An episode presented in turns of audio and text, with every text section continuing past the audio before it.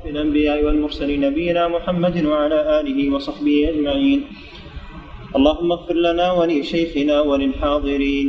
قال الإمام ابن عبد الهادي في كتابه المحرر في الحديث رحمه الله باب الهدي والأضاحي.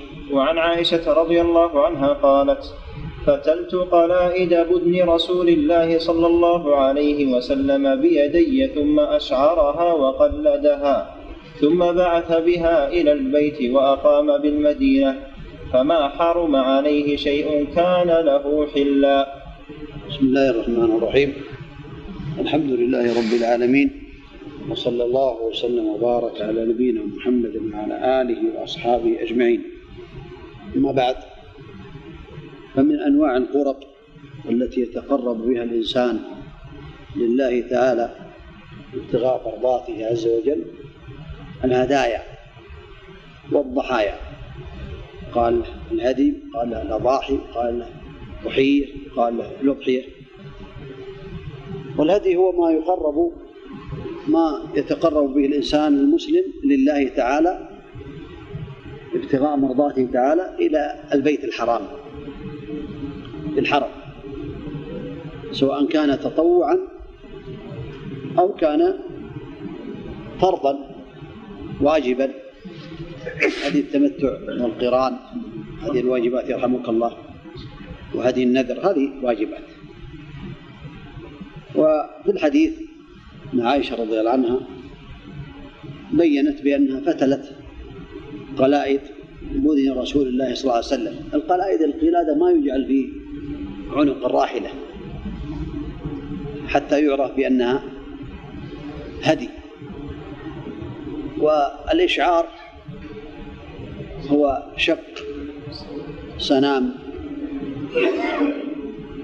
البدن حتى يخرج الدم. جنب السنام حتى يخرج الدم ثم يسلت عليه حتى يعرف بأن هذا هدي فلا يتعرض أحد من الناس. هذا سنة في الهدايا. قد كان النبي عليه الصلاة والسلام يشعرها ثم يبعث بها إلى البيت. وفي الحديث من الفوائد أن من بعث بالهدايا إلى الحرم تقربا لله تعالى فإنه لا يحرم عليه شيء كالمحرم بل يكون حلالا لا محرما. لهذا قالت عائشة رضي الله عنها فما حرم عليه شيء كان له حلا والهدايا أنواع. من هدايا واجبة هدي القران القارن وهدي التمتع وهدي النذر إذا نذر لله تعالى وهدي المحصر يقال له هدي. إذا أحصر عن البيت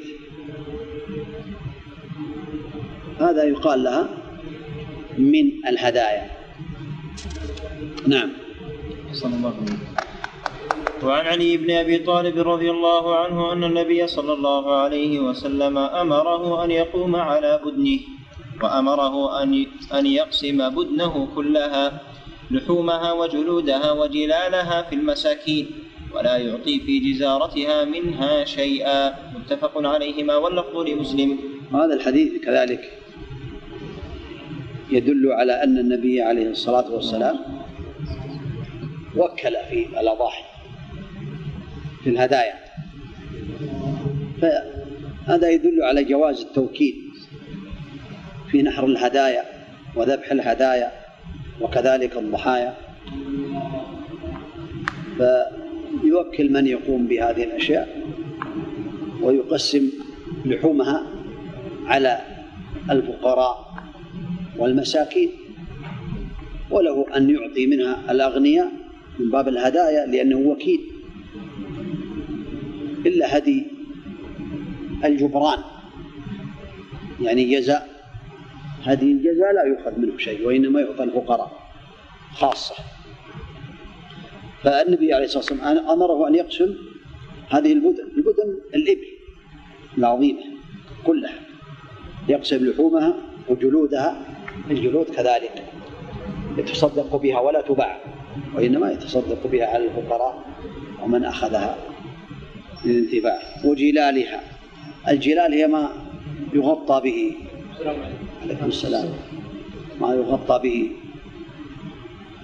الجمل أو البدن التي يتقرب بها الإنسان لله تعالى بالهدايا فيجعلون عليها جلال حتى تغطي السنام والظهر حتى يعرف الناس بأنها من الهدايا. حتى لا يتقربوا إليها ولا يصلوا إليها بسوء ولا بسرقة.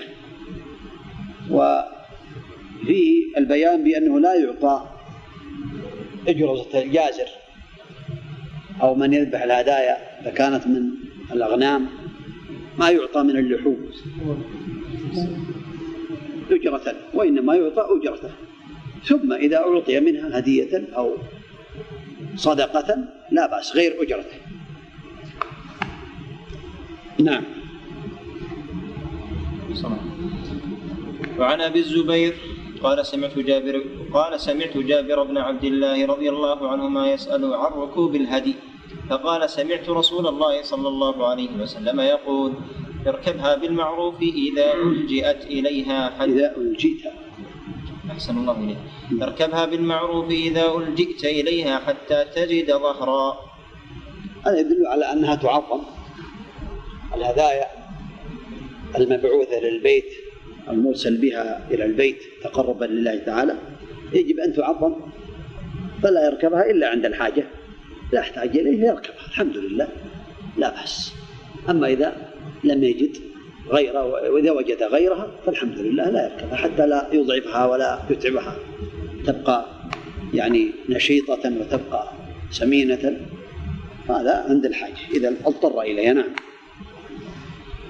وعن ابن عباس رضي الله عنهما أن ذؤيبا أبا قبيصة حدثه أن رسول الله صلى الله عليه وسلم كان يبعث معه بالبدن ثم يقول إن عطب منها شيء فخشيت عليه موتا فانحرها ثم اغمس نعلها في دمها ثم اضرب بها صفحتها ولا تطعمها أنت ولا أحد من أهل رفقتك رواهما مسلم.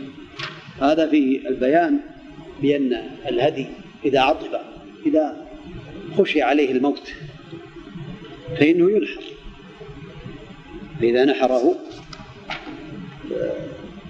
يغمس نعلها في دمها. يعني ما كان يغطي حافريها. ثم اضرب يضرب به صفحتها. يعني جانبها. حتى يعرف بأنها هدي. لأن الهدي إذا نحر من البدن ثم يعل الدم على صفحته أي جانبه. يراه الناس يعلمون بأن هذا هدي منحور وأنه للفقراء ولغيرهم ممن ينتفع بهذا الهدي. إلا أن الموكل على الهدايا لا يأكل منها. وهذا فيه من باب يعني سد الذرائع حتى لا يقال بأن بعض الناس قد يتساهل ثم ينحرها ويأكل منها هو رفقته. ولهذا حرمها النبي عليه الصلاة والسلام عليهم سدا لباب الذرائع وسدا للتساهل ربما يتساهل بعض الناس فيريد اللحم ينحر منها. حرمها النبي عليه الصلاة والسلام عليهم. نعم. وعلى عائشة نعم. يقول ثم في دمه نعم. يقول اغمس نعلها في دمه. اي نعم. نعم. نعل هو ما يجعل تحت الحافر نعم. وعن عائشة رضي الله عنها قالت أهدى النبي صلى الله عليه وسلم مرة غنما متفق عليه. وهذا يدل على أن الإهداء إلى البيت تقربا لله تعالى يكون من البدن أي من الإبل ويكون من الغنم لا بأس. نعم. لكن الغنم قالوا بأنه يقلد لها قلائد. وكثير من العلم قالوا بأن الغنم لا تشعر يعني لا يطعن في جنبها حتى يخرج الدم لأن هذا يضرها. أما الإبل فلا يضر يطعن سنامها حتى يسير الدم إذا بعث بها. أما الغنم فتقلد قلائد في أعناقها حتى تعرف بأنها هدايا. نعم. وعن ابن عباس رضي الله عنهما قال صلى رسول الله صلى الله عليه وسلم الظهر بذي الحليفة ثم دعا بناقته فأشعرها في صفحة في صفحة سنامها الأيمن وسل وسلت الدم وسلت الدم وسلت ودم نعم. وسلت الدم وقلدها نعلين ثم ركب راحلته فلما استوت به على البيداء حل بالحج. رواه مسلم وأبو داود. وزاد وسلت الدم بيده وفي لفظ بإصبعه. وكذلك يدل على أن النبي عليه الصلاة والسلام كان يشعر الهدايا ولهذا أشعر هديه عليه الصلاة والسلام وسلت الدم يعني آه، أزاحه عن مكانه حتى يتبين في جنب السنام ويعرفون بأنها من الهدايا المهداة إلى البيت تقربا لله تعالى وكذلك تقليد النعلين في عنق الراحلة يدل على مشروعية ذلك. والآن هذه الأشياء وهذه الأمور لا يفعلها كثير من الناس ما يفعلها أحد فيما أعلم. الناس يشترون من مكة وينحروا في مكة. ما رأينا أحدا يسوق الآن هدايا ويشعرها لأن الناس استغنوا عن الركوب على الإبل والسفر والبعث بها وكثرة الطرقات ووسائل النقل الحديثة. ولهذا يشترون من مكة. لكن هذا هو سنة باقية إلى قيام الساعة. نعم. نشعرها بمكة ها؟ نشعرها نعم. لا في مكة لا. ما, ما ورد لأنه إذا بعث بها. بعث بها أرسلها إلى الحرم. نعم. حتى إذا مرت بأحد قبل الحرم يرى بأنها هدايا فلا يتعرض لها. نعم. وعن جابر رضي الله عنه قال نحرنا مع رسول الله صلى الله عليه وسلم عام الحديبية البدنة عن سبعة والبقرة البدنة نعم. البدنة عن سبعة والبقرة عن سبعة. رواه مسلم. هذا الحديث فيه بيان بأن الإبل والبقر تجزي البدنة عن سبعة. يشتركون فيها. وكذلك البقرة تجزي عن سبعة. سواء كان في ذلك في الهدايا التي في مكة هدي المتمتع والقارن أو كان ذلك في الضحايا. فلهم أن يشتركوا في البدنة سبعة وفي البقرة سبعة. نعم. وعن جندب بن سفيان رضي الله عنه قال شهدت الأضحى مع رسول الله صلى الله عليه وسلم. فلما قضى صلاته بالناس نظر إلى إلى غنم قد ذبحت فقال من ذبح قبل الصلاة فليذبح شاة مكانها ومن لم يكن ذبح فليذبح. على اسم الله متفق عليه. وهذا يدل على أن إجزاء الأضاحي له وقت محدد. وكذلك إجزاء الهدايا الواجبة كهدي القارن وهدي المتمتع. لا تذبح إلا يوم العيد يوم النحر. الهدي القارن هدي المتمتع لا يذبح إلا يوم النحر.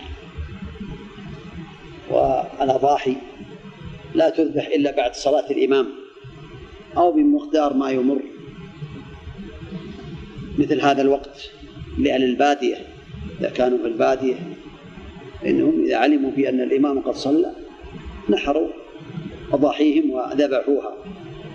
هكذا فعلنا. ولهذا النبي عليه الصلاة والسلام بين بأنها لا تجزي. ما ذبح قبل صلاة العيد لا تجزي لأنه خالف الإمام وذبح قبل الوقت المحدد الذي حدده النبي عليه الصلاة والسلام. نعم. وعن جابر رضي الله عنه قال صلى بنا النبي صلى الله عليه وسلم يوم النحر بالمدينة فتقدم رجال فنحروا وظنوا أن النبي صلى الله عليه وسلم قد نحر.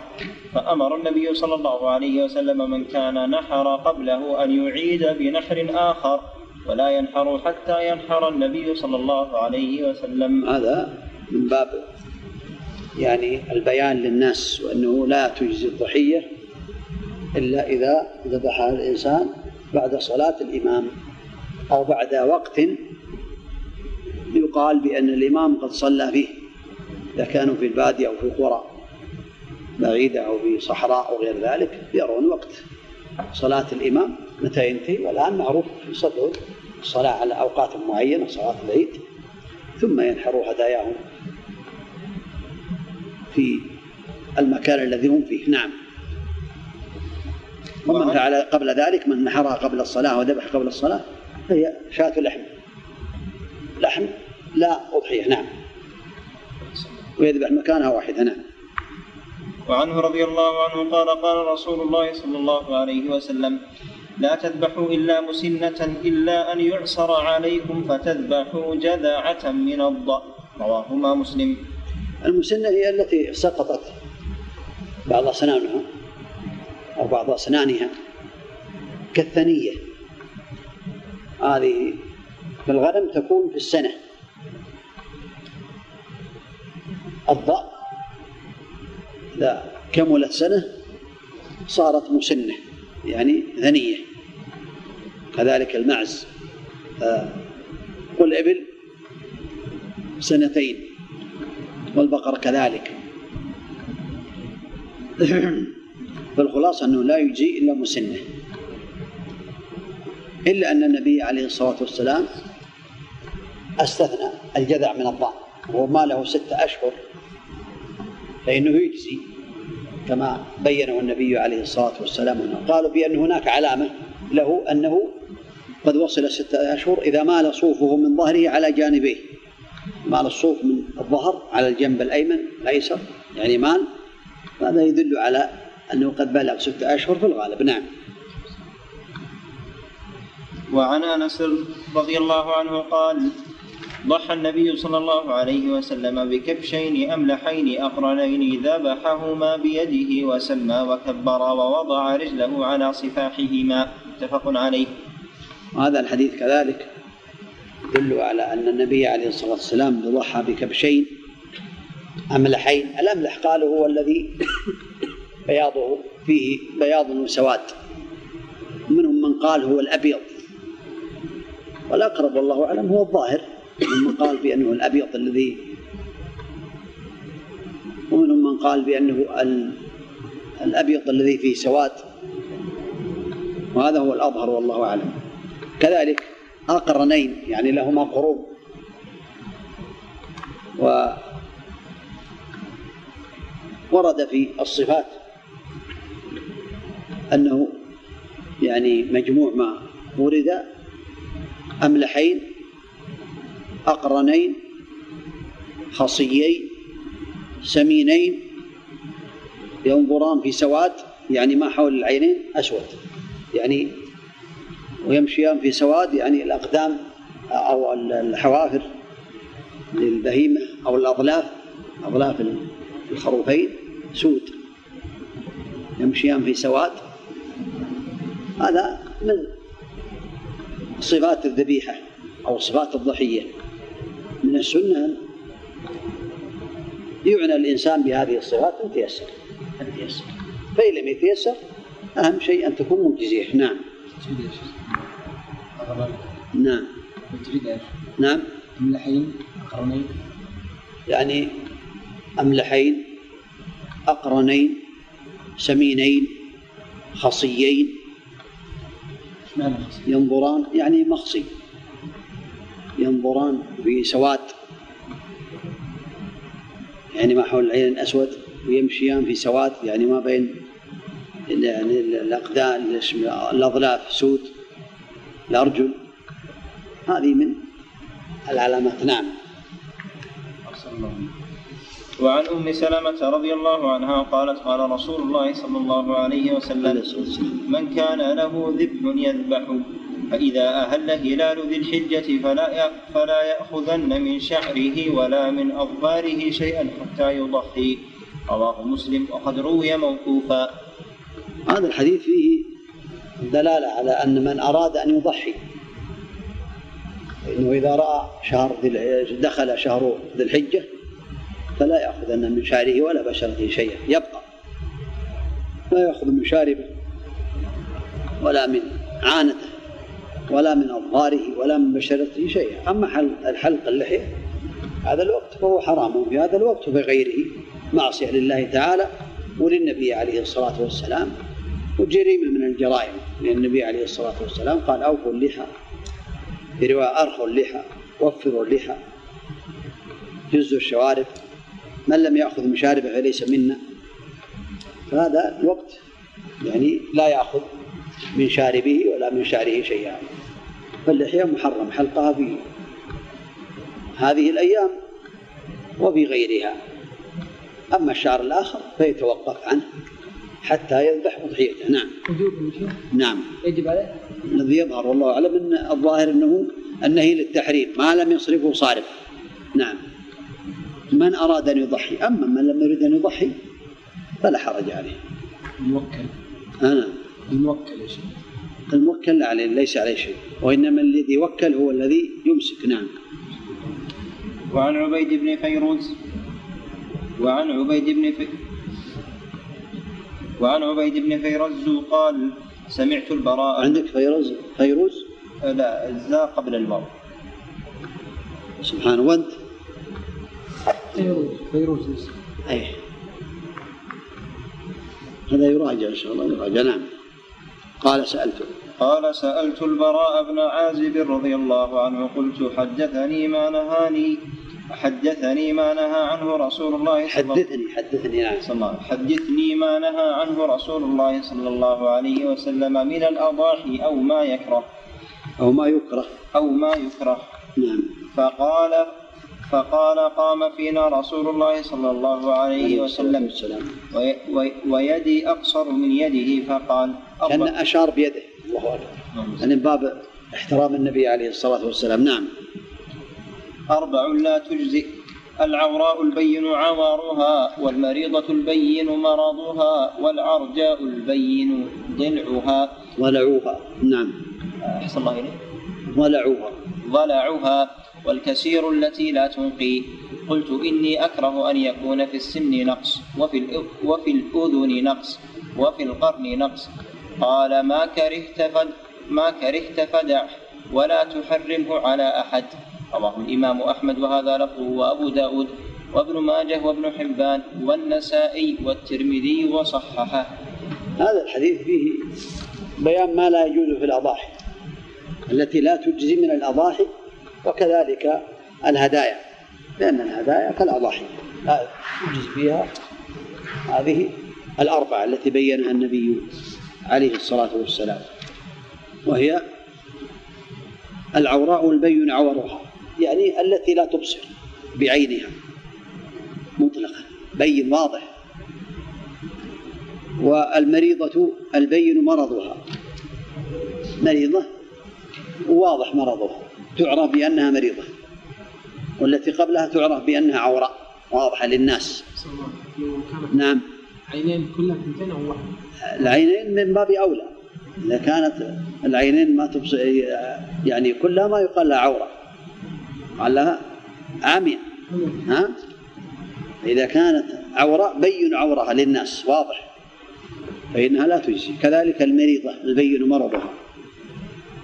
والعرجاء البين ولعها يعني إحدى رجليها فيها شيء فتضلع ترفع من الأرض ويعلم بأنها عرجة. هذه لا تجزي والكسيرة التي لا تنقي. الكسيرة هي الهزيلة التي ليس فيها مخ ضعيفة. هذه كذلك لا تجزي. وأما غيرها مما يحصل في الأذن من الخرق الشرقاء وهي التي شق طرف أذنها طرف أذنها أو الخرقاء التي خرقت أذنها أو المقابل التي شق طرف إذنها الأمامي. أو المدابرة التي شق طرف إذنها الخلفي. فهذه وردت فيها أحاديث فهي من باب الكراهة. تجزي لكن الأفضل أن يجتنبها. أما العضباء فجاء فيها حديث والأقرب والله أعلم أنها لا تجزي العضباء والعضباء هي التي ذهب نصف القرن فأكثر. أو نصف الأذن فأكثر. هذه تعتبر خامسة. من التي لا تجزي. إذا ذهب أكثر الأذن أكثر من النصف أو أكثر من نصف القرن يقال العضاء والأظهر والله أعلم. أن هذا من أهل العلم من قال بأنها تجزي لكن الأقرب لأنه صح الحديث في ذلك العضاء أنها لا تجزي. هذه الخمس لا تجزي في الأضاحي. أما الأربع المتقدمة فهي إجماعا من العلم وأما الخامسة وهي الأضاء التي ذهب نصف القرن فهو الأظهر والله أعلم. نعم. ضبط الهزيلة نعم. ما ضابط الهزيلة؟ التي لا تنقي بينها ليس فيها مخ. لأن الإنسان إذا وجد اللحم يجد فيه مخ يجد فيه بعض الشحم يجد بعضها هذا فيها. لكن ربما يقال بأنها لحم خالص ما فيها شيء ما ما فيها شيء من من الدسم. ها؟ ضعيف. نعم. وعن أبي هريرة رضي الله عنه قال قال رسول الله صلى الله عليه وسلم عليه. من وجد ساعة فلم يضحي فلا يقربن مصلانا. رواه الإمام أحمد واللفظ له. وابن ماجه وصححه وصحح الترمذي وغيره وقفه هذا الحديث من احتج به وقال بأنه صحيح يوجب الضحية وأن الضحية واجبة فريضة. ولكن الجمهور يرون بأن الضحية سنة مؤكدة. سنة مؤكدة. وقالوا بأن الذي صرف صرفها إلى السنة المؤكدة أن النبي عليه الصلاة والسلام قال إذا دخل شهر ذي الحجة وأراد أحدكم أن يضحي فقيدها بالإرادة والخلاصة أن الأقرب في الضحية أنها سنة مؤكدة مؤكدة ينبغي أن لا تترك. ينبغي أن لا تترك لمن قدر لمن استطاع أن يضحي. أما الوجوب يحتاج إلى نظر أي سنة مؤكدة ينبغي أن لا يتركها المسلم. نعم. باب العقيقة. عن الحسن عن الحسن عن سمورة أن رسول الله صلى الله عليه وسلم قال كل غلام مرتهن بعقيقته تذبح عنه يوم سابعه ويحلق ويحلق. ويحلق ويسمى. رواه أحمد وأبو داود وابن ماجه والترمذي وصححه والنسائي. وقال لم يسمع الحسن من سمرة إلا حديثا إلا حديث العقيقة. يعني حديث العقيقة هذا. هذا العقيقة هي ما يذبح عن المولود عند ولادته. قيل لها عقيقة لأنه يشق حلقها بالنحر بالذبح. وقيل أنه يرجع العقيقة إلى المولود الشعر الذي يحلق للغلام هذا للغلام أما البنت فلا تحلق في اليوم السابع وإنما قال النبي عليه الصلاة والسلام في الغلام.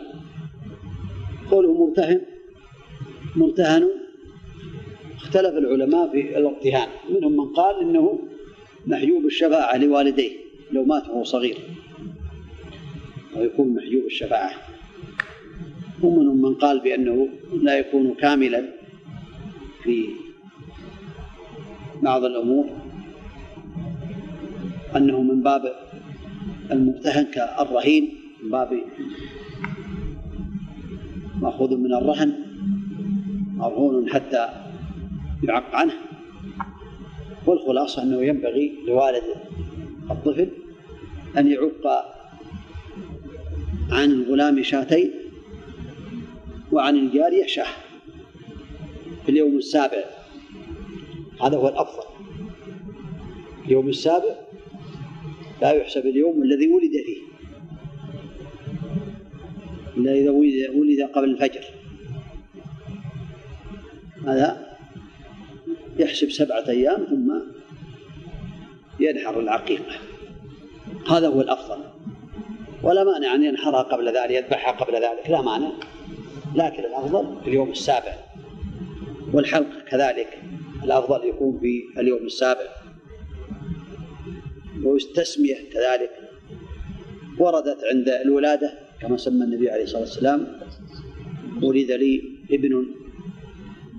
في هذه الليلة سميته إبراهيم إبراهيم أو كما قال عليه الصلاة والسلام فله أن يسمي من أول اليوم وله أن يبقى إلى اليوم السابع. الأمر بذلك واسع بالنسبة للتسمية. وينبغي ألا تترك من أهل العلم من قال بأنها واجبة ومنهم من قال بأنها سنة مؤكدة فينبغي ألا تترك العقيقة لمن قدر عليها. نعم. إذا ذهب اليوم السابع بقية الأيام سواسية إذا ذهب اليوم السابع في بقية الأيام منهم من قال اليوم الرابع واليوم السابع آه، اليوم الرابع عشر واليوم الحادي وعشرين لكن لم يثبت به شيء فإنه يعق في أي يوم كان. إذا ذهب اليوم السابع خلاص. استوى في أي يوم كان له أن يعق. نعم. صلى الله عليه وعن, وعن أبي أيوب عن عكرمة عن ابن عباس رضي الله عنهما أن رسول الله صلى الله عليه وسلم عق عن الحسن والحسين كبشا كبشا. رواه أبو داود والطبراني وإسناده على شرط البخاري. لكن قد رواه غير, غير واحد عن أبي أيوب عن عكرمة مرسلا قال أبو حاتم وهو أصح. صواب أنه عن الغلام شاتين وعن الجارية شاه صلوات الله وسلامه عليه. فالقول مقدم على الفعل كون عق عن الحسن والحسين كبشا كبشا. فإنه قد ثبت عنه عليه الصلاة والسلام أنه قال عن الغلام شاتان وعن الجارية شاه عليه الصلاة والسلام. فالقول مقدم على الفعل. نعم. صلى الله عليه وسلم باب التقدير نعم. باب التقدير القول مقدم على الفعل. ترجع إلى العقيقة. منهم من قال بأنها سنة ومنهم من قال بأنها واجبة وال ينبغي ألا تترك مطلقا. ينبغي ألا تترك. حتى الإنسان لو ترك والده يعني العقيقة ولم يعق عنه فإذا استطاع عق عن نفسه. يعق عن نفسه. نعم.